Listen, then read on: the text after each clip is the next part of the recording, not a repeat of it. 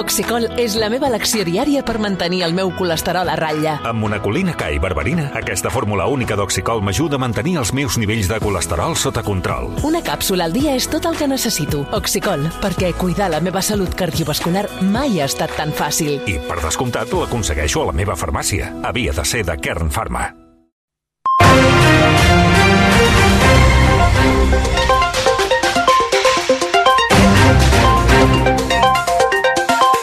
when the Tocar a les 3 i és moment d'actualitzar la informació en aquest RACO migdia, començant de nou per la mobilitat, perquè després d'un matí i migdia amb moltes complicacions a les carreteres i especialment a l'AP7, comença a normalitzar-se la situació. Recordem que hi ha hagut diversos talls a aquesta espina dorsal de les carreteres del país, l'AP7 per diversos accidents, a hores d'ara ja sense cap tall i bàsicament amb retencions focalitzades a les Terres de l'Ebre, entre 4 i 5 quilòmetres a l'AP7 en sentit sud entre l'Hospitalet de l'Infant i la Metlla de Mar. També de retruc, la carretera que és paral·lela a l'AP7, l'N340, i que ha estat l'alternativa mentre aquesta AP7 estava tallada, encara té algunes retencions. Al Penedès s'ha normalitzat ja la situació del tot, per tant, sense cap retenció per circular hores d'ara per l'AP7 al sector del Penedès, ni en sentit Tarragona ni en sentit Barcelona. Més qüestions de la crònica política, Carles Puigdemont ha ficat cullerades sobre la petició del PP de recórrer a la Comissió Europea per desencallar la renovació de l'organisme dels jutges espanyols. En una piulada diu que amb aquest gest queda clar que ni els populars ni els socialistes no confien en que Felip VI exerceixi el seu rol de fer d'àrbitre i moderador del funcionament de les institucions de l'Estat, el que li tocaria, diu Puigdemont. El líder de Junts també ha tret pit d'haver estat el primer en reivindicar la figura d'un eh, mediador internacional. Després recordem-ho justament doncs, que el PP en demanés un a la Comissió Europea per tractar, ho dèiem ara, el desbloqueig del màxim òrgan dels jutges espanyols. Tot això un dissabte, per cert, des Nadal al món, amb èxit d'assistència al Palau de la Música Barcelona i també amb un nou rècord de recaptació del torró solidari de recull torrons Vicenç, més de 300.000 euros amb les vendes de la campanya d'aquest Nadal, fins ara, perquè la campanya continua. I si s'hi suma, en aquest cas, tot el que s'ha recollit des que va començar la iniciativa solidària del 2015, ja s'han superat els 2 milions d'euros, xifres que hem sabut aquest matí al Palau de la Música amb la directora de la Primera Pedra, Noemi Polls. Aquest 2023 tenim 300.420 euros només amb aquesta campanya. Per tant, és moltíssim. Si actualitzem la xifra des de 2015, tenim 2.087.923 euros. Hem superat els 2 milions i tots els beneficis per la venda dels torrons solidaris de recull torrons Vicenç que aniran destinats, com cada any, a la investigació de malalties minoritàries de l'Hospital Sant Joan de Déu d'Esplugues, Barcelona. Als esports, la primera divisió masculina tanca el 2023 amb el partit d'aquesta tarda entre l'Atlètic de Madrid i el Sevilla. A partir d'un quart de cinc, en directe al Superesports, els matalassers busquen la victòria per empatar amb el Barça la classificació, mentre que els andalusos volen sumar el segon triomf consecutiu amb Quique Sánchez Flores a la banqueta. També aquesta tarda seguirem a rac a partir de dos quarts de set, el partidàs a la Premier entre el Liverpool i l'Arsenal i el duel de l'ACB entre el Joventut de Badalona i el Real Madrid. I el temps, el sol i les boires seran els grans protagonistes d'aquest Nadal, Mònica Usart. Sí, es mantindrà la mateixa dinàmica de temps d'aquests últims dies, amb aquest sol, amb aquestes boires que seran més persistents, sobretot cap a punts del Pla de Lleida i que mantindran l'ambient més hivernal durant tota la jornada. A la resta del país avui baixant les temperatures entre 3 i 5 graus respecte a les d'ahir. Demà es mantindran sense canvis, però entre Nadal i Sant Esteve tornen a pujar aquests termòmetres amb migdies que seran suaus, sobretot a la costa, al prelitoral i també comarques de Girona, amb temperatures que es mouran entre els 15 i els 19 graus. I tot plat amb aquestes boires més tossudes cap a punts de l'interior interior i amb un vent que avui encara bufarà els accents del país, però de cara a demà afluixarà. Doncs hem arribat així a les 3 i 3, moment de tancar aquest racó migdia que hem fet amb en Javi Moreno, el control tècnic. Continuarem pendents de l'actualitat, els avanços informatius. A partir de les 4 al Superesports i a les 11 al Tu diràs. I ara us deixem amb el viatge bé, l'Ester Muñoz. Nosaltres tornem demà al punt de les dues. Bona tarda. Teniu la maleta a punt, oi? Perquè ara mateix sortim de viatjar. A RAC1, Viatge bé, amb Esther Muñoz.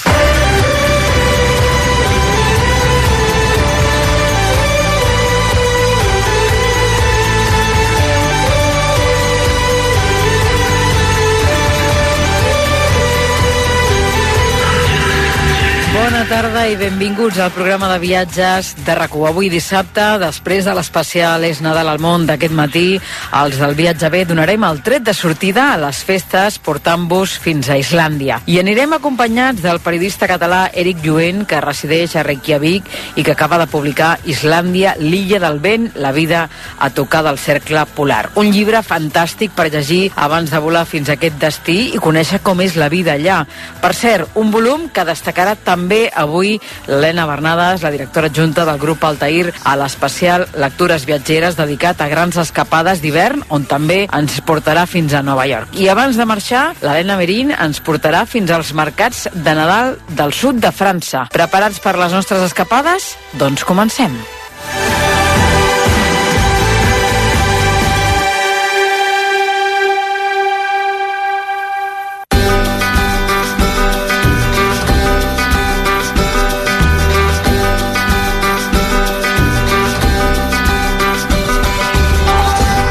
Islàndia és olor de sofre i de peix sec, és la sacsejada sísmica que et desperta a mitjanit, és la tempesta que t'envolta i t'aclapara, i és la terra desfeta que brolla incandescent davant dels teus ulls. És tot això i és també la manera com els humans han sobreviscut durant més de mil anys en aquest indret perdut a tocar del cercle polar àrtic.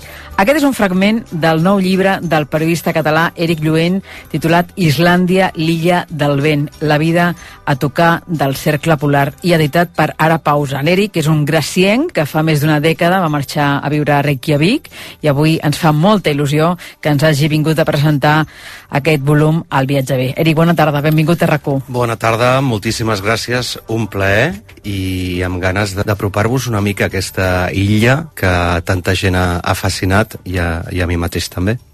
Has vingut a Catalunya eh, una setmana per presentar el llibre. De fet, la presentació la vas fer a la llibreria Altair. L'Helena Bernades és col·laboradora nostra des de fa sis anys i, a més a més, aquesta presentació te la va fer un excompany nostre, que és l'Albert Tom. Com va anar?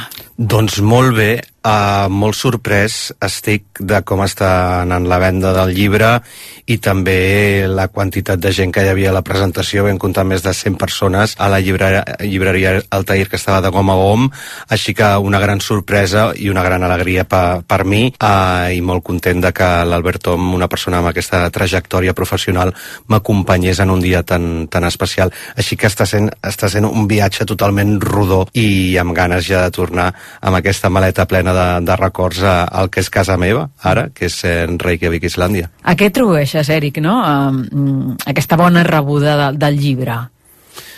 Jo crec que d'una banda Islàndia és un país que ven, que interessa, més que vendre, que, que, que interessa, almenys el públic catalanoparlant, eh, o al, al sud d'Europa, jo diria en general, tenim aquesta fascinació pel, pel nord. Islàndia, des de, jo diria des de l'Eia Fiatlayokut, el volcà aquest del 2010 que va aturar el, el trànsit aeri, uh mhm. -huh. vam descobrir una illa que tenia un, un, un poder especial, no? Com seria la ciutat de Barcelona. Barcelona tiene un poder, doncs Islàndia també també el té. Com deien els Manolos, eh? Exactament. També, d'altra banda, jo crec que eh, els viatgers que volen anar a Islàndia cerquen aquest contacte directe amb, amb la natura, Uh, no, és una, no és un destí de ciutat, és parlar directament a la natura i parlem d'una geologia i d'un clima molt extrems. Per tant, uh, les glaceres, l'oportunitat de veure glaceres i volcans i camps de, de, de lava molsa, són imatges que ja comencen a ser icòniques per a nosaltres. I jo crec que això ha facilitat que, que el llibre tingui aquesta bona rebuda i ha coincidit que just la setmana que va arribar a llibreries eh, va començar a haver terratrèmols i aquesta amenaça de, de volcans que és, és permanent, vull dir, al, al cap i a la fi que hi hagi una erupció a Islàndia pels islandesos no, no és tanta notícia com ho és per, per, per nosaltres quan ho seguim des de la distància. De seguida parlarem de, de tots aquests aspectes que destacaves ara, però abans vull anar una miqueta a l'origen de, de, del llibre, perquè sé que va ser arran d'una crònica que tu vas escriure al diari La Vanguardia, que et van contactar des de l'editorial, no? Què et van proposar exactament, Eric? Doncs era un diumenge, jo estava al sofà segurament, o encara al llit, i el Joan Carles, el director editorial, em va enviar un missatge i em va proposar escriure un llibre sobre Islàndia, sense més ni menys. Què volia ell? Un llibre sobre Islàndia, aprofitant la meva experiència allà. El primer que li vaig proposar era un, un llibre potser molt no neutral, però en el que el jo literari no hi, no hi fos present, eh, reportatges periodístics en el que la meva experiència no tingués un paper en el llibre. I, i recordo que em va dir, home, està bé el que em proposes, però perdrem l'oportunitat de, de tenir la teva perspectiva d'ulls mediterranis que han viscut 8 anys, que vol dir 8 Clar. petits estius el i 8 llargs hiverns uh, en aquesta illa. I finalment jo crec que hem trobat una, un equilibri eh, que a mi m'ha fet sentir molt, molt còmode. La idea és una mica explicar la teva experiència, sobretot social, uh -huh. a, a Islàndia, perquè exactament tu quan vas marxar a, a, a l'illa i per què vas escollir aquest país per viure. I Islàndia em va escollir a mi, diguéssim, el 2008 vaig conèixer un grup d'islandesos que treballaven a, a, que estaven fent un, uh, un treball de camp a Barcelona, jo era cap de premsa de la Festa Major de Gràcia, em van contactar, venien a fer un reportatge i vam fer amistat. I al cap d'uns mesos em van dir, vols venir a passar el cap d'any? Això era just després de la bancarrota del 2008. Sí. I a partir de, clar, jo visito Islàndia com qui visita, en fi, si els amics haguessin sigut d'Àustria, doncs m'hagués anat a Àustria o a qualsevol indret del món. Vull dir que jo no havia escoltat mai a parlar especialment d'Islàndia ni, ni, ni de l'illa, ni mai m'hagués imaginat viure allà. Però hi ha un enamorament, una fascinació per, per l'entorn i per, per l'illa. I començo a visitar-la, i a visitar-la, a visitar-la. Començo a treballar de guia de muntanya als estius a la zona d'aquest volcà i a Fiatlayokut i del famós eh, trekking Lögavegurin, i el 2016 és quan vaig definitivament. Abans m'hi havia passat a vegades 3-4 mesos eh, en un any, diguéssim, temporades llargues, però quan faig les maletes i passo per, per, per l'aeroport del, Pla, del Prat sense bitllet de tornada, diguéssim, és el, el març-abril del 2007. I què és el que va donar aquesta seguretat de dir m'hi quedo? M'instal·lo aquí, definitivament. Cas, uh, la seguretat laboral que tenim a Islàndia que, que no tenim aquí o que no tothom, no tothom té, té aquí. Uh, en el meu cas va ser un, un moviment migratori eh, clarament per qüestions socioeconòmiques o econòmiques. Uh, dit això, Islàndia és un país que alhora em, em fascina i que hi estic bé i que no hi ha molta gent, o conec força gent que no se sent d'aquesta manera. Per tant, al final hi ha persones que se sentiran me, me, més acollides o, o que es podran adaptar millor a països més càlids. En el meu cas mai m'ha agradat la calor, així que estic molt content de tenir casa a, a Reykjavik. El clima és perfecte per tu. Sí, no, no cada dia, a vegades em queixo, però ja sé on estic, no, no, no, no tinc grans expectatives de bon temps a Islàndia, diguéssim. Parlant del clima, has titulat el llibre Islàndia, l'illa del vent, no? Per què destaques el vent? Per trencar el tòpic de l'illa del gel i del foc, normalment es presenta com Islàndia, l'illa del foc i del gel, que em sembla una descripció correcta, eh? i sobretot si estem parlant de, de per exemple, quan vens un viatge o expliques um, un programa de viatge, és normal que es presenti d'aquesta manera, però he dit aquests dies que he estat voltant per Barcelona i parlant amb, amb la gent i amb els lectors que jo quan obro la porta de casa no tinc un camp de lava a tocar de lava encesa o no hi ha una glacera l'element que m'acompanya des de primera hora del dia fins a darrera hora de, de la nit, la majoria de dies, no sempre, però la majoria, és el vent. I el que fa que la vida a Islàndia eh, estigui totalment condicionada pel clima, no tant pel fred, perquè les temperatures no són extremes com en altres racons del planeta, sinó el vent és l'element més repressor de la vida social en comunitat, almenys en l'espai públic. De fet, és que el vent és el fil conductor de tots els capítols del llibre, no? I crec que, si no m'equivoco, allà si neva o plou no es considera mal temps. No, no, per què? Si no, si no fa bé, és a dir, si no fa vent, una nevada és ben bonica i la pluja, doncs... Eh, la qüestió diferencial és quan pots elevar la barbeta i mirar el cel. És a dir, si tu et sents còmode mirant a l'entorn i no has d'anar cap cot pel carrer uh, i amagar-te i anar corrents i aquesta sensació aclaparadora que el vent se t'endú, que és una, una força que, que evidentment segurament tots els oients han viscut aquest tipus de situacions aquí i allà i aquí a Catalunya també tenim inventades. Però el que succeeix a Islàndia és que és permanent no, no inclús no són ratxes uh, hi ha ratxes de vent és a diari. però és, és a diari i és permanent i és hora a hora i sobretot a l'hivern i d'alguna manera et va, et va minant. A l'estiu també? a l'estiu no tant però hi pot passar. Jo he hagut de cancel·lar tours, jo treballo de guia conductor i alguna vegada he hagut d'aturar l'autobús, Déu-n'hi-do. esperar-me hores o, o, o tornar cap a la capital. No és tan habitual, eh? Parlàvem abans, eh, Eric, d'aquesta illa idíl·lica, sobretot per als amants de la natura, no? que destaquen doncs, aquests paisatges meravellosos. Però tu mm, dius que vols anar més enllà, no? Què pretens exactament? explicar la vida a tocar del cercle polar i la vida a tocar del cercle polar no és idíl·lica. Però no per un prejudici que tingui jo o perquè vulgui desmuntar mites, perquè bé, de fet m'agrada desmuntar mites, però, però és, crec que és injust històricament que pensem que al nord tot va bé i que la gent viu feliç constantment i que tot funciona bé. Ostres, aquesta gent ha sobreviscut durant més de mil anys en unes condicions brutals. Aleshores, aquesta idea idíl·lica que tenim crec que no fa justícia amb la realitat d'aquest poble. I si, vivi, I si acceptem aquesta visió idíl·lica, tampoc es podem entendre la seva cultura i els seus costums i la seva manera d'entendre la vida, perquè la seva manera d'entendre la vida ha estat totalment condicionada per aquest entorn.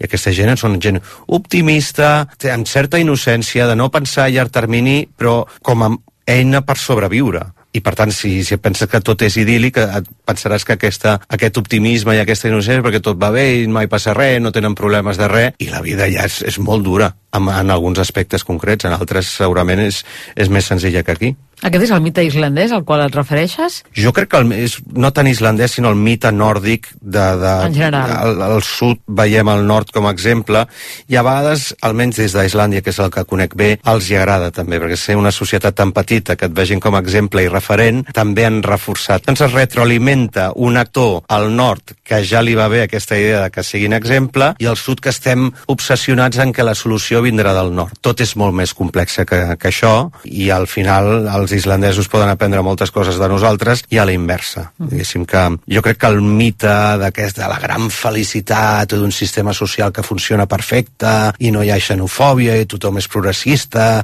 i No és tan així. factualment no és, no, no és hi ha inclús ni tan sols do- hi ha coses que poden ser opinió, però factualment per exemple quan el 15M es eh, s'emmiralla amb Islàndia és un país que des de la independència ha tingut governs conservadors cada legislatura excepte quan hi ha la bancarrota i després tornen a votar conservador més enllà d'entrar a analitzar si si s'entén o no s'entén, etc. per un moviment progressista tenir a Islàndia com a referent polític grinyola una mica, no? Per exemple, això podria un dels grans mites que he intentat trencar durant aquests anys que he estat cobrint, cobrint a Islàndia.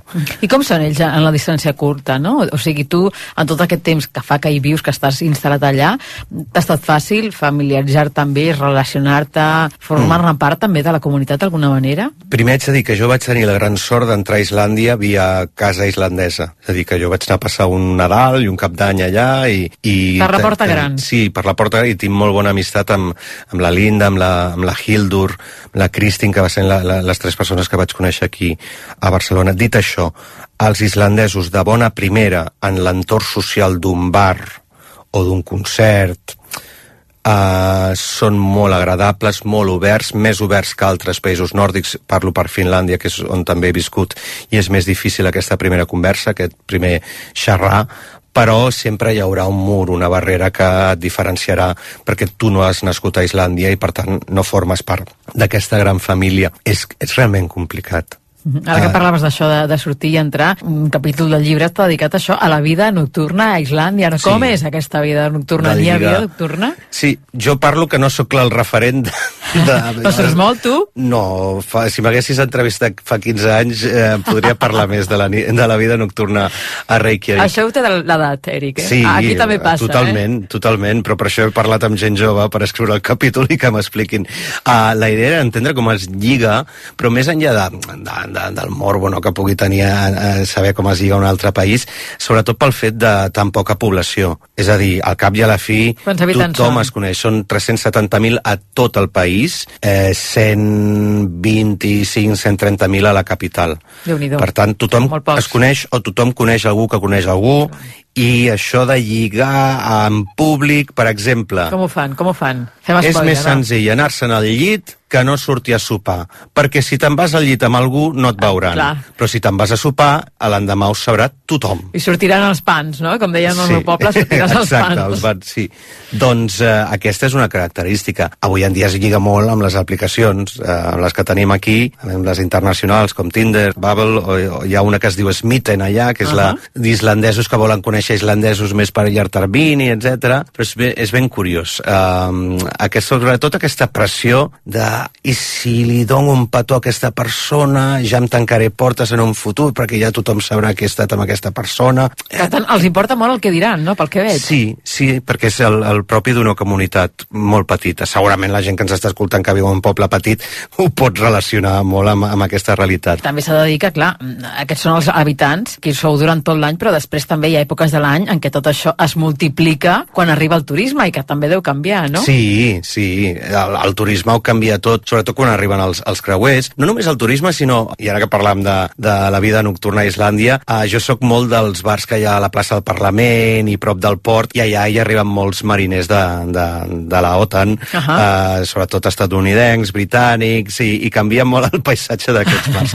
eh, per bo i per dolent, eh? A vegades penso, si aquests són els que ens han de defensar, déu nhi Parles a Islàndia, l'illa del vent, d'una comunitat de persones que viuen en un illot al cercle polar que a tu especialment et va cridar l'atenció, no? Per quin motiu, Eric? És Grimsey, un petit illot, una illa que, petita que està al nord d'Islàndia, de, la, de la illa principal, i em crida l'atenció perquè són 30. Són 30 persones que viuen allà, a, tot, les que viuen tot l'any. A l'estiu visita algú i algun turista cau per allà.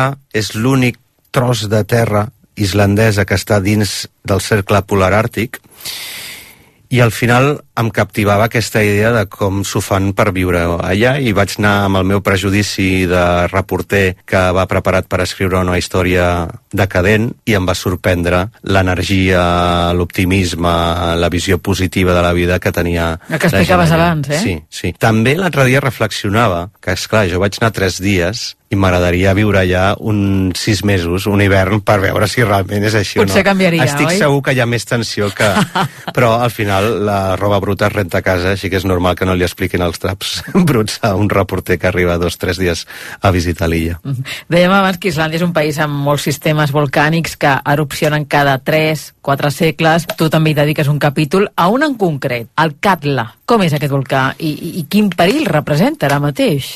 És un volcà que normalment té la capacitat de produir erupcions molt poderoses. Això no vol dir que la propera ho hagi de ser, perquè els volcans no segueixen cicles eh, que es puguin predir, però el que succeeix amb aquest volcà és que la darrera erupció va ser l'any 1918, l'octubre de 1918, Sí. i han passat 105 anys ja, fa unes setmanes va fer 105 anys Sí, de l'erupció. sí, sí. I la estadística històrica, que és l'únic que els geòlegs poden mirar per intentar preveure quan actiu és un volcà, és d'una erupció cada 50 anys, més o menys, dues erupcions per segle. Per tant, ja portem molts anys esperant-lo. En uh, la darrera dècada hi ha hagut força terratrèmols, uh, hi ha hagut desgel. El desgel pot ser a vegades un uh, indicatiu de que un, un, una intrusió de magma s'està apropant a superfície.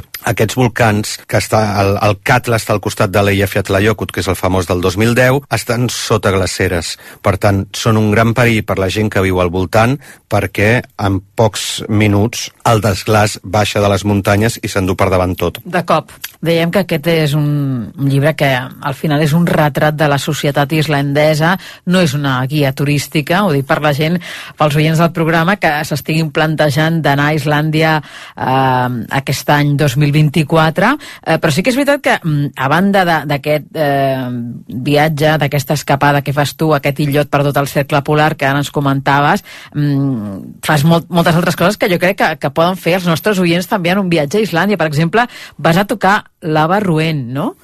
Mm, tocar-la no, apropar-me massa. Acostar-te, acostar-t'hi. Sí, tocar-la no, perquè um, uh, hagués acabat a, a l'hospital. Però sí que durant l'erupció del 2021 um, vam estar massa a prop També era durant la pandèmia i, i, i la visió que teníem durant la pandèmia, almenys els, els que estàvem a Islàndia, jo vaig estar 19 mesos gairebé sense treballar i deia, mira, si em passa alguna cosa, mira, doncs aquí s'acaba i ja està, però jo he vist un volcà. Així que ens vam arriscar una mica massa el primer dia que vam anar a veure uh, l'erupció del 2021. I on vareu anar? Ho dic per la gent que uh, ens estigui escoltant i vulgui reproduir... És la península de Reykjanes, és que s'ha activat des del 2021 i esperem erupcions força recurrents, no molt explosives.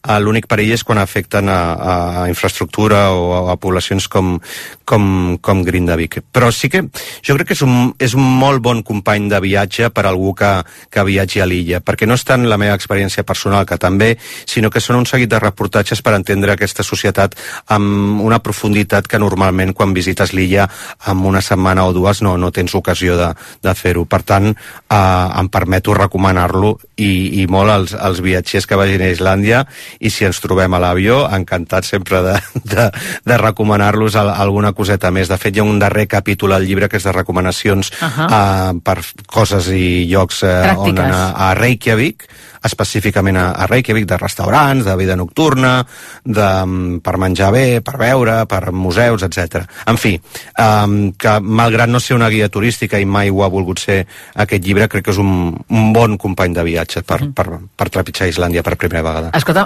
ens deies que, que la població islandesa té molt normalitzat doncs, tot el que té a veure amb els volcans, no? Eh, en el teu cas també és així? O sigui, no arribes a, a passar por en, en alguns moments donats, que et faci respecte?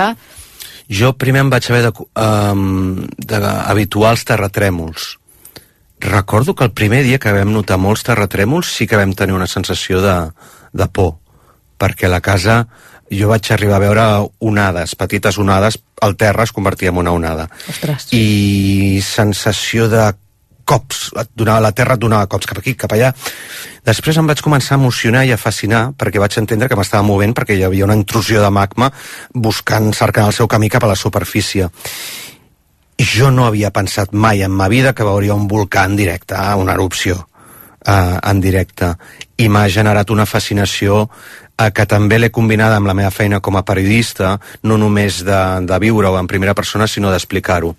I explicar fenòmens d'aquesta mena és per mi ara molt més apassionant a vegades que explicar actualitat política o economia que havia fet més anteriorment, perquè som tan... et, et fa donar et fa resituar-te i et dones compte que, ets, que som tan, tan minúsculs davant la força de, de la natura. Fa un mes i escaig estava amb un grup de visitants molt a prop de l'erupció del 2021. Sí. Vam notar la muntanya sencera movent-se, un terratrèmol de magnitud 4,5 jo havia sentit molts terratrèmols però d'interior és més senzill perquè les coses es mouen a Clar. la televisió, als quadres mm -hmm. a fora la sensació de que tot el teu paisatge al voltant s'està movent, una sacsejada i no s'atura durant 10 segons, eh, si et sents segur, i en aquell moment estàvem en una zona segura, que no et caurà res al cap, etc, em sembla apassionant. Com una pel·lícula, no? Sí, i pa parlem d'aquesta manera perquè els edificis a Islàndia estan preparats i normalment no ens hem de preocupar, perquè el mateix terratrèmol aquí causaria molts morts. Per sí, tant, sí. Vull dir, a vegades hem, hem, de, hem de separar a vegades aquesta fascinació pels des, eh, per, per l'activitat sísmica quan en determinats països pot generar desastres naturals.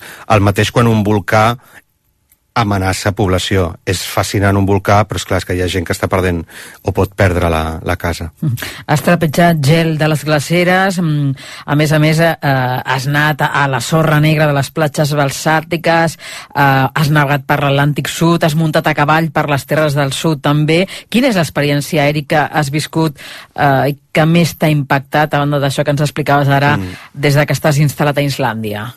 Jo crec que el dia que vam anar a Grimsey, aquest, aquesta illa perduda al nord, des de Dalvik fins a Grimsey, són 3 hores, i segons els pescadors islandesos feia bon temps.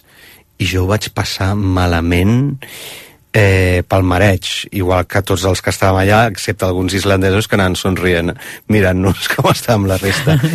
jo crec que això em va servir per entendre els milers i milers de pescadors que durant generacions i generacions han hagut de sortir a la mar en aquestes condicions i molts d'ells van morir durant segles en, en aquestes condicions. La duresa de la mar i de la vida al mar a, a Islàndia eh, potser és una de les coses que m'ha sorprès més i jo no m'hi he dedicat vull dir que he navegat per l'Atlàntic Nord sí, però no, no tan sovint com els pescadors, ni molt menys. Potser aquesta vida, la duresa del mar i també la duresa de, de viure aïllat en una granja al mig del no-res, no? la, la vida del camp islandès que eh, encara existeix, però cada cop som, som menys els que tenen aquest tipus de, de vida. Mhm. Hi ha un parell de coses que m'han cridat eh, eh, especialment l'atenció del llibre.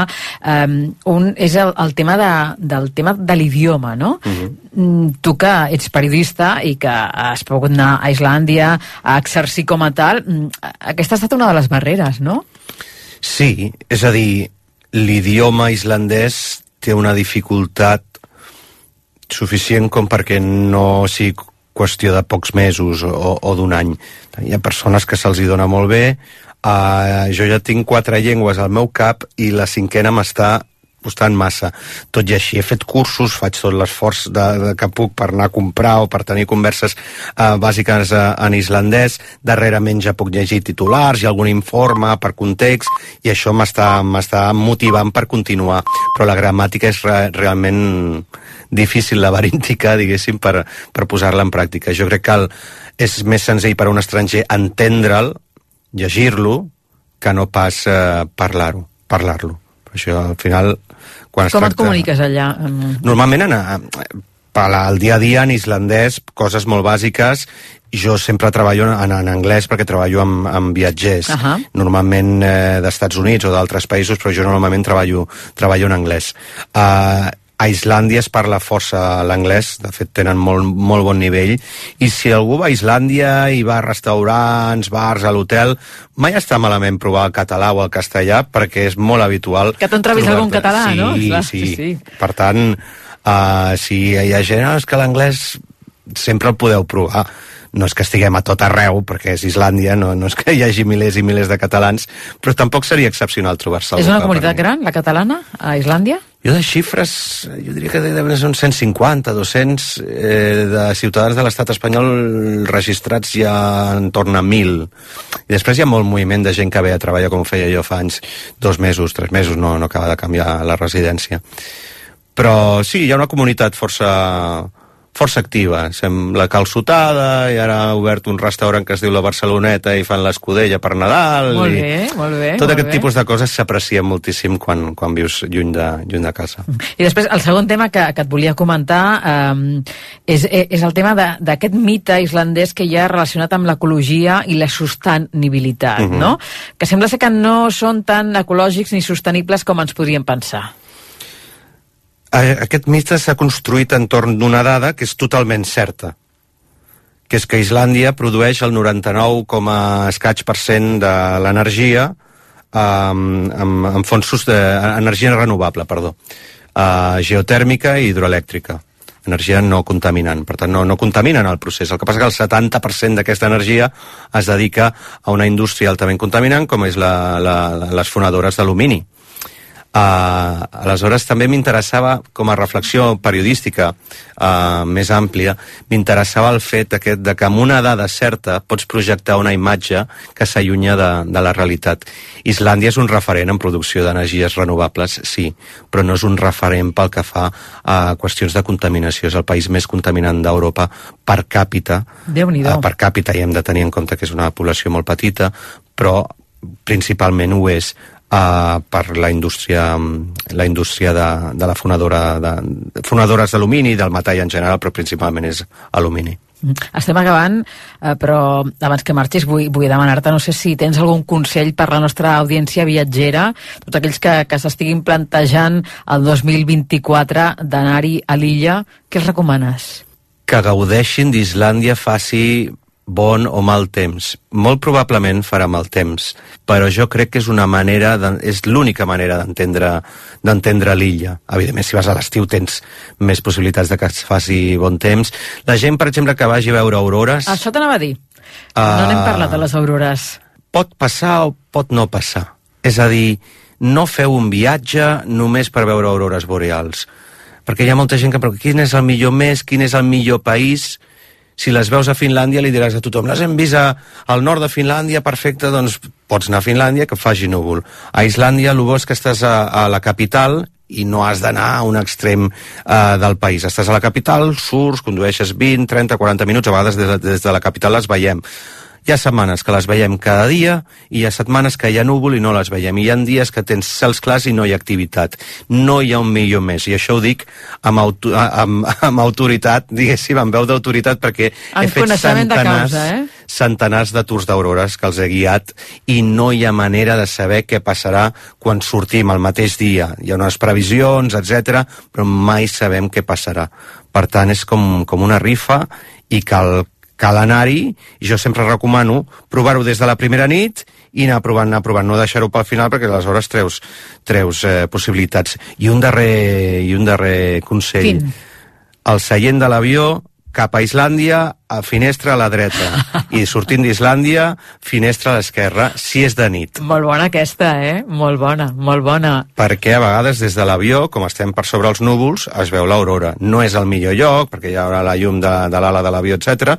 però jo he vist bons espectacles des de la finestreta de l'avió. Parlant d'avions, eh, tu ara n'agafaràs un cap a Reykjavik eh, a la tornada. Mm, et posaràs a escriure mm, després d'aquest llibre, d'aquestes bones sensacions amb les quals eh, te'n vas eh, amb Mhm. aquesta emoció no? de, de tenir tot aquest públic no? i tota aquesta gent que ha llegit Mhm. el llibre i que t'ha traslladat doncs, aquestes bones vibracions això et dona empenta per tornar a fer un altre llibre sobre Islàndia o sobre una altra qüestió? Ja estic escrivint el, el proper llibre. Uh, de moment és, uh, estem a, l'inici, inici, però és un, no és un llibre sobre Islàndia, és un llibre sobre història de Barcelona i normalment quan acabo un llibre ja tinc l'altre en ment i espero que tard o d'hora uh, torni, torni a Islàndia perquè sempre hi, hi tornaré eh, literàriament parlant, eh? vull dir que ara me'n vaig a Islàndia però segur que hi haurà ocasions per tornar a escriure d'Islàndia, però de moment també m'interessa molt la història de Barcelona i és una manera de mantenir aquest pont de connexió estant a Islàndia, lluny de casa, l'enyorança, escriure sobre la ciutat on vas néixer és una manera de mantenir-te. Sí, el cordó umbilical, no? Aquest Exacte, vincle, eh? exacte. Eric Lluent, autor d'Islàndia, l'illa del vent, la vida tocada, el cercle polar. Estem molt contents, t'ho deia a l'inici i t'ho torno a dir ara mateix, de que hagis aprofitat eh, aquest viatge també per venir als estudis de rac aquí a visitar-nos també i ens hagis portat doncs, eh, aquest relat d'aquesta societat islandesa des de la perspectiva d'un periodista català que, com la resta d'illencs, doncs, també ha pogut adaptar-se a un entorn natural superb i alhora hostil. Eh, ens ha agradat molt conèixer-te en persona i, escolta'm, quan facis aquest segon llibre, avisa'ns i quan vinguis a fer eh, el tour català et volem tenir un altre cop a l'estudi. Ha estat un ple, us avisaré segur i ens veiem a Reykjavik potser la propera. Doncs mira, eh, no em sembla gaire mala idea aquesta, perquè els del viatge bé no hi hem estat mai i tenim aquest viatge pendent. Per tant, potser ens veiem allà abans. Moltes gràcies, com diríem a Islàndia, tak fyrir. Takk fyrir. Gràcies.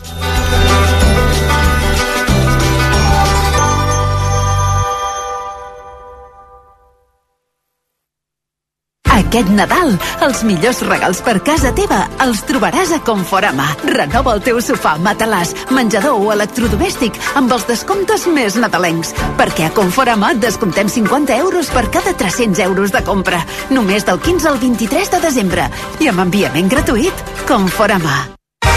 Nadal és temps de bons propòsits i d'alegria. A Ocasión Plus volem que les teves il·lusions es facin realitat. Ocasión Plus. Bones festes. RAC més 1, podcast. Aviam, Ferran. Hauries de dir Estadella Michelin. Un programa de cuina marinat amb humor. Molt bé, i ja per rematar-ho, bones receptes amb Guillem Estadella. Olé, jo crec que ha quedat prou bé, no? Què? No, ja està, ja està. Estadella Michelin, un podcast clar i català. Cada 15 dies un capítol a RAC més 1 i la recepta sencera al canal de YouTube de RAC1. RAC Més 1. RAC1. El Nadal del futur arriba al Centre Comercial Arenas de Barcelona. Visita'ns i participa en el sorteig de 3 iPhones 15. A més, tallers infantils de robòtica gratuïts, una expo de moda futurista, la visita del Pare Noel i un rei mag del futur i molt més. Més informació a arenasdebarcelona.com A Toyota Igualada Ocasión.com ens sentim orgullosos d'acompanyar-te un any més durant aquests dies de felicitat i bons moments. Gràcies. Toyota Igualada Ocasión.com et desitja bones festes. Aquest Nadal no et perdis l'activitat solidària dels barrufets a Finestrella Shopping Centre.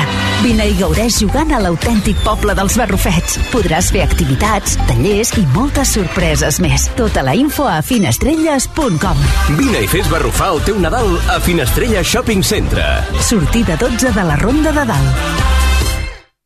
Citymob Sant Boi, motor de la mobilitat sostenible, us desitja bones festes. Coneixeu-nos a citymobsantboi.com, impulsant una mobilitat més neta.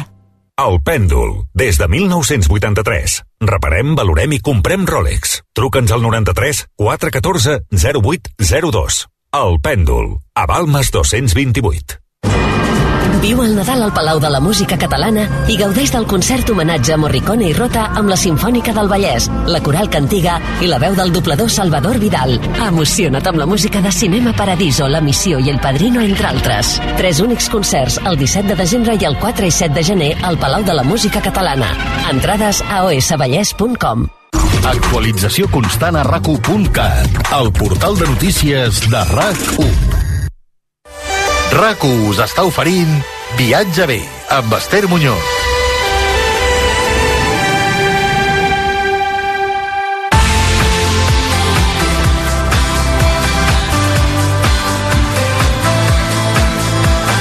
És l'hora d'obrir el mapa rac el nostre concurs de participació i de sortejar doncs, un d'aquells regals perfectes per Nadal i pels amants de les escapades, un cofre Wonderbox, tres dies amb encant, que inclou, atenció, dues nits amb allotjament i esmorzar a hotels a plena natura i molt més. Per guanyar aquest premi us demanem que ens seguiu a Twitter, a l'arroba viatjabé, que feu retuit el missatge que publicarem, que etiqueteu la persona amb qui hi anireu de viatge si us toca el premi. També podeu participar a Facebook, a Instagram o enviant-nos un correu a l'adreça viatge arroba raco.net i responent la pregunta que ara mateix us plantegem. Quin regal viatger us agradaria que us fessin aquest Nadal? Participeu ara a través de totes les xarxes i dissabte 30 de desembre, abans d'acabar el 2023, farem el sorteig on podreu guanyar aquest cofre Wonderbox 3 dies amb encant i recordeu que amb Wonderbox aquest Nadal podreu regalar experiències úniques. Trobareu escapades, experiències gastronòmiques, de benestar, d'oci, d'aventura i molt més. Descobriu tots els cofres disponibles a wonderbox.es. Molta sort a tothom!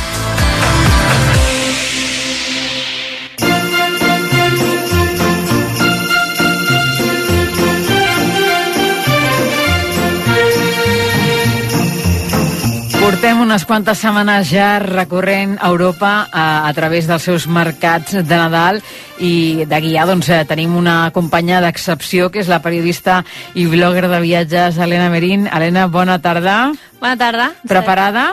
Preparada. déu nhi eh? Portem unes quantes setmanes, eh? Sortint amb tu, recorrent tots aquests mercats. Hem estat, per exemple, a Alsàcia, hem anat a Àustria també, hem fet, per exemple, a Alemanya també. On es portes avui?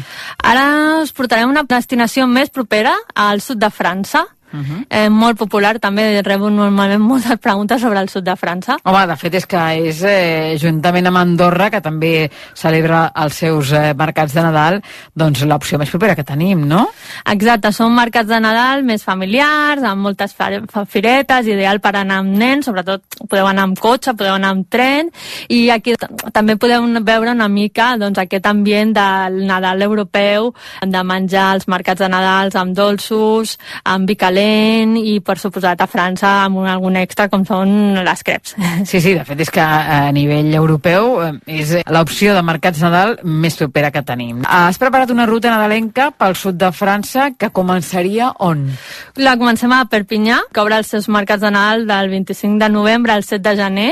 Aquí ja allarguen més. És una destinació on els seus mercats de Nadal és el que més s'assembla jo trobo a Catalunya, segurament per aquesta proximitat. Llavors podeu visitar el mercat que se sol instal·lar a la Qua Bovent, que conforma un petit mercat nadalenc, amb xalets i decoració. Com si fos un poble, no? Com si fos un poble.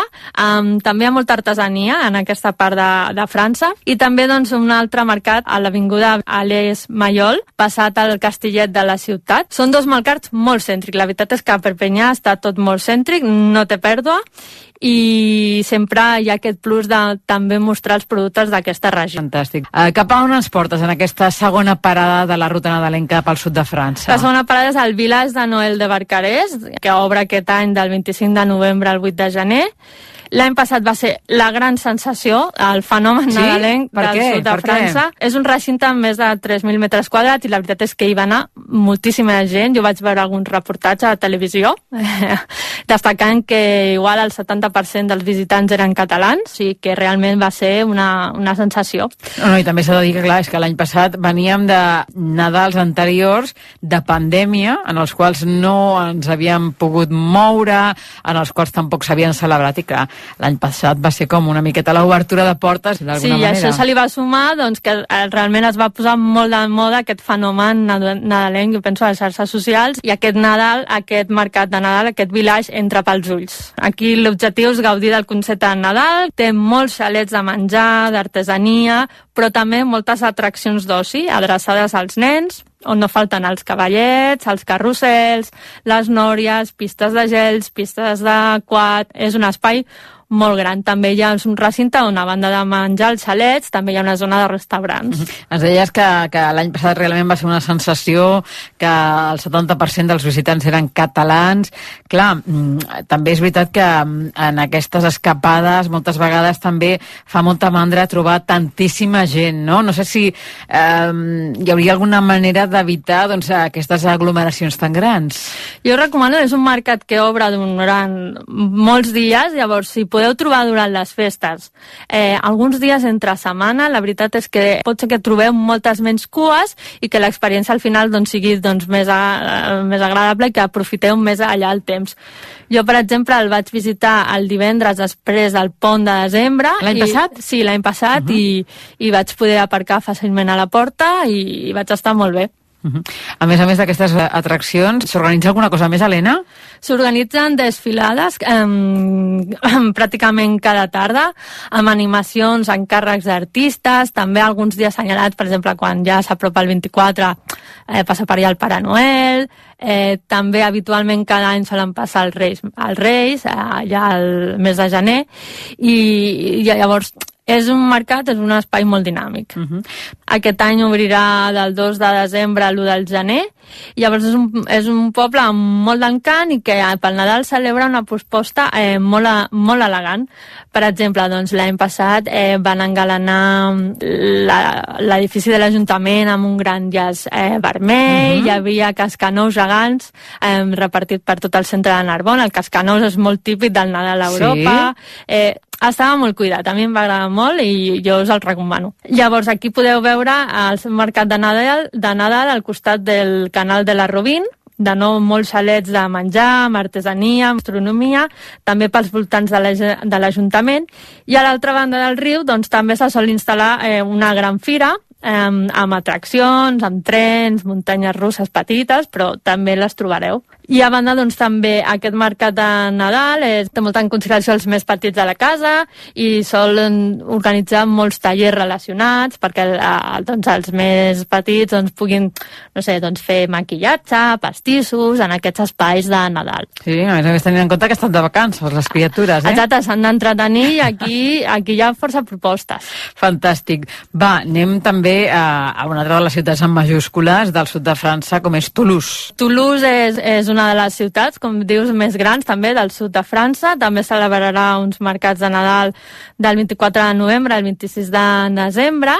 Jo també el vaig visitar l'any passat i la veritat és que em va sorprendre molt el seu ja ambient més urbà, més de ciutat, més vibrant, amb molta gent jove de nit, pel mercat i als voltants i definitivament doncs estaven allà passant-s'ho superbé aquí als mercats de Nadal.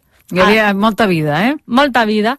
Llavors, eh, sobretot es- està al, al mercat de Nadal principal està a la plaça du Capitol, on trobareu més d'un centenar de xalets. déu nhi Sí, de, i a més des de ben d'hora, a les 10-11 ja comencen a cuinar. Ja s'hi posen. Ja s'hi posen a vendre vi eh, i, tam, i en general molts, moltíssims dolços.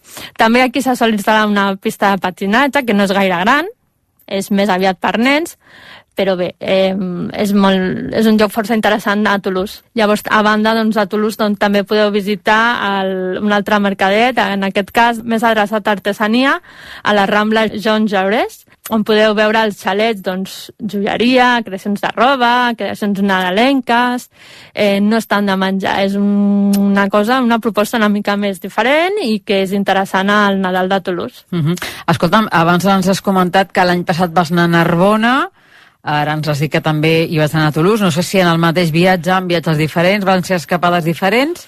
En el cas d'en... Sí, van ser diferents. Primer vaig anar a Toulouse i després vaig tornar, vaig aprofitar per visitar Barcarès i el dia següent doncs, vaig anar a Narbona. Ah, o sigui que va ser el mateix viatge, no? A... Sí. Perfecte.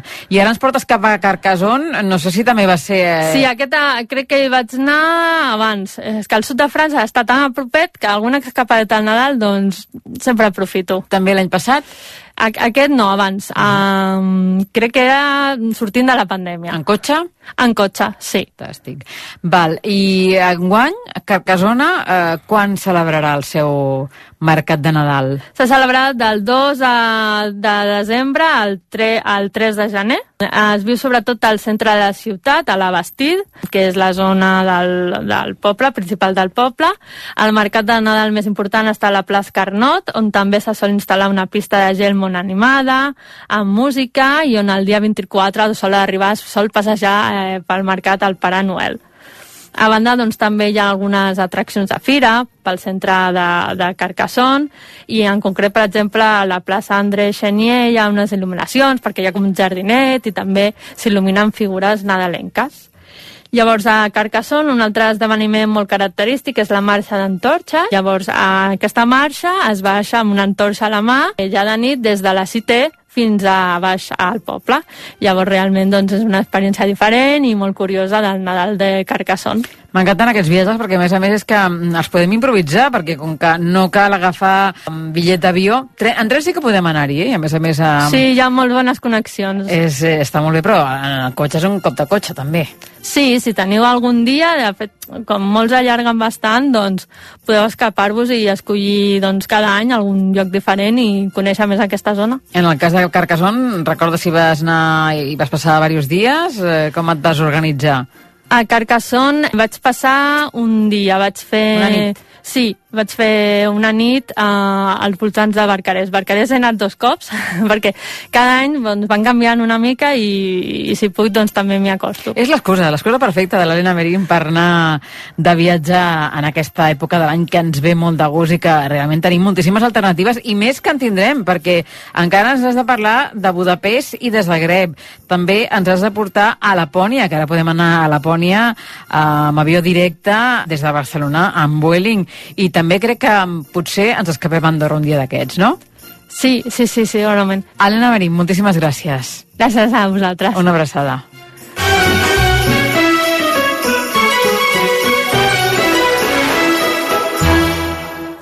RAC1 us està oferint Viatge bé amb Esther Muñoz.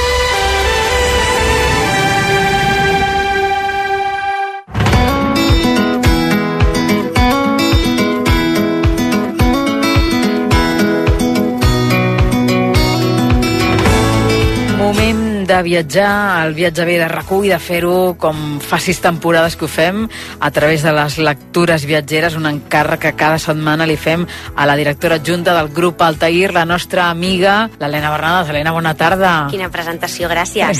Sis temporades. Home, és que ja fa molts anys que, que viatgem que es juntes, diuen eh? ràpid, i tant. Ens has recomanat moltíssims llibres, t'estem molt agraïts perquè ens encanta llegir. Jo a vosaltres. I aquesta combinació de viatges i llibres és que la trobo excel·lent. Oi que sí? Excel·lent. A mi també m'encanta. Són les meves dues passions, per tant, què millor que això, no? Ostres, doncs compartim, compartim passió i compartim vida. I a més a més, avui em fa molta il·lusió que ens portis lectures viatgeres per escapades d'hivern, per grans escapades. Totes aquestes vacances de Nadal que hi ha gent que s'escapa i gent que no, que ho fa després fora de temporada, però que són visites una mica ja més pensades en també l'ambientació nadalenca o l'ambientació de Nadal, doncs sempre ens anarem als llocs més nòrdics, als llocs on toquem neu, on ens asseguren una escapada gèlida i freda i us porto una de les propostes és sobre Nova York. Home, eh, Nova York és l'escapada per excel·lència de Nadal, l'escapada per excel·lència de l'hivern, quan la gent té més dies, no?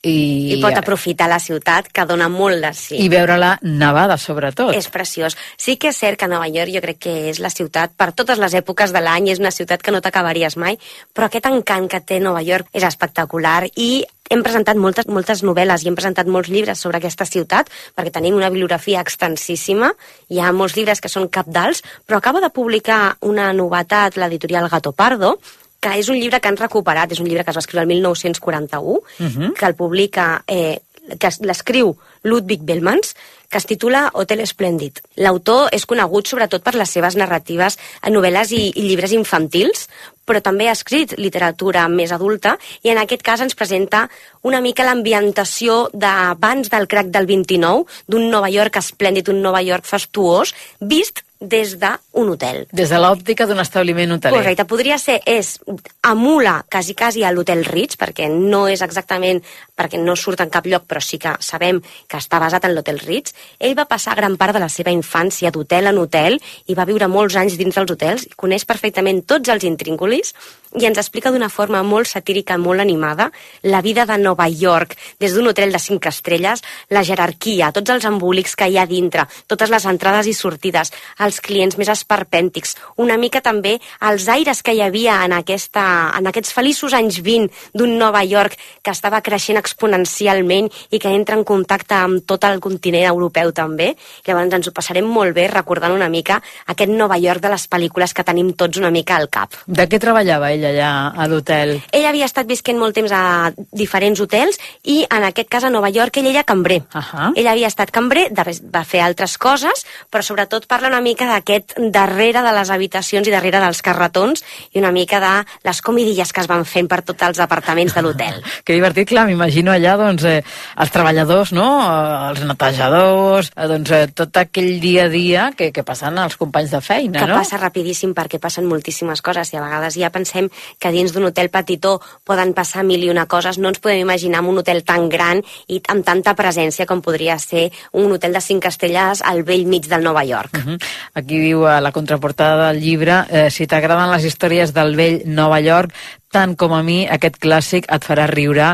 Eh, per tant, escolta, si a, a sobre ens ho podem passar bé i és un llibre amb, amb molt d'humor, fantàstic per aquests dies i mm, per una lectura prèvia a un viatge a Nova York. Per exemple. Uh -huh. Va, i de Nova York marxem cap a Islàndia. Sí, bueno, Islàndia, tot el cercle polar àrtic, tot el que és Escandinàvia, les aurores boreals, és una època perfecta també per conèixer aquesta part més nòrdica, no? I els volcans, no ens oblidem dels volcans, que també és actualitat d'Islàndia aquests exacte, dies, per sí, això. amb la possible imminent erupció d'aquest volcà i amb tot el que s'està parlant últimament, l'Eric Lluent, un periodista català que ha escrit amb moltíssims eh, mitjans digitals i que és una, un exiliat econòmic més com tants d'altres, fa anys que viu a la illa islandesa, ha exercit de guia turístic i segueix exercint de periodista des d'allà i ens publica amb el llibre titulat Islàndia, la illa del vent, que ens publica Ara Pausa, és una petita col·lecció dins de l'editorial d'Ara Llibres, ens parla d'una crònica mm, periodístico-social de què és viure en aquesta illa, quin és la seva, el, el seu context, quina és l'actualitat que estan fent front ara mateix a nivell social, a nivell laboral, a nivell econòmic, a nivell natural, a nivell també de qui, quines són les diferències de viure dins de la capital i quines són les de fora, i ella ens parla moltíssim des de dins, una persona que no només l'ha viatjat, sinó que també l'ha viscuda. Havíem parlat fa temps de Xavier Moret, de les Cròniques d'Islàndia, que també ens havíem parlat del llibre, que és un llibre preciós, havíem Sí, parlat de molts llibres d'Islàndia, sí, sí. però aquest és un llibre des d'Islàndia. Uh. -huh. Llavors és un llibre que jo recomano moltíssim a tothom que hi vagi, perquè et donarà una, un prisma diferent per quan hi aterris. Mm -hmm. L'Eric Lluent, que ha escrit cròniques, com tu deies, i reportatges sobre Islàndia a La Vanguardia, eh, també a La Marea, a La Directa, a l'Independent de Gràcia. Núvol, correcte. I que, a més a més, l'any 2017 va ser guardonat amb el Premi Ramon Bernils de Periodisme d'Investigació i que ha publicat altres llibres sobre Islàndia. Islàndia 2013, Crònica d'una decepció, Islàndia 2014, El preu del miracle econòmic i una mala època. I, a més a més, eh, que aquest llibre que acaba de sortir del forn, el mes de novembre eh, l'ha presentat a la llibreria Altair. El vam tenir, va ser tot un honor tenir-lo juntament amb l'Albert Tom el 29 de novembre passat amb un repertori musical també acompanyant aquesta presentació del llibre i explicant-nos una mica quina era aquesta illa nòrdica per ell. Doncs eh, ens anotem aquestes dues lectures i aquests dos viatges perquè, escolta'm, eh, tinc moltes ganes de tornar a Nova York, eh, de fer-ho en aquestes dates i no hi he estat mai a Islàndia, per tant és un dels viatges que tinc anotats a la llista. Tu, Helena? Eh, eh... Doncs jo al revés, jo he estat a Islàndia, no conec Nova York, m'encantaria fer-ho, però la veritat és que com a mínim bibliografia en tenim i hem gaudit una mica d'aquest Nova York i d'aquesta Islàndia des de casa de moment. Això, eh? Mentre no podem agafar un avió i volar fins a aquestes destinacions desitjades, doncs tenim els llibres que també, eh, com diu l'Helena, ens hi acosten i ja ens fa volar fins allà. Helena, moltíssimes gràcies per acompanyar-nos una tarda més i t'esperem d'aquí no res. I tant. Una abraçada. A vosaltres. Adéu.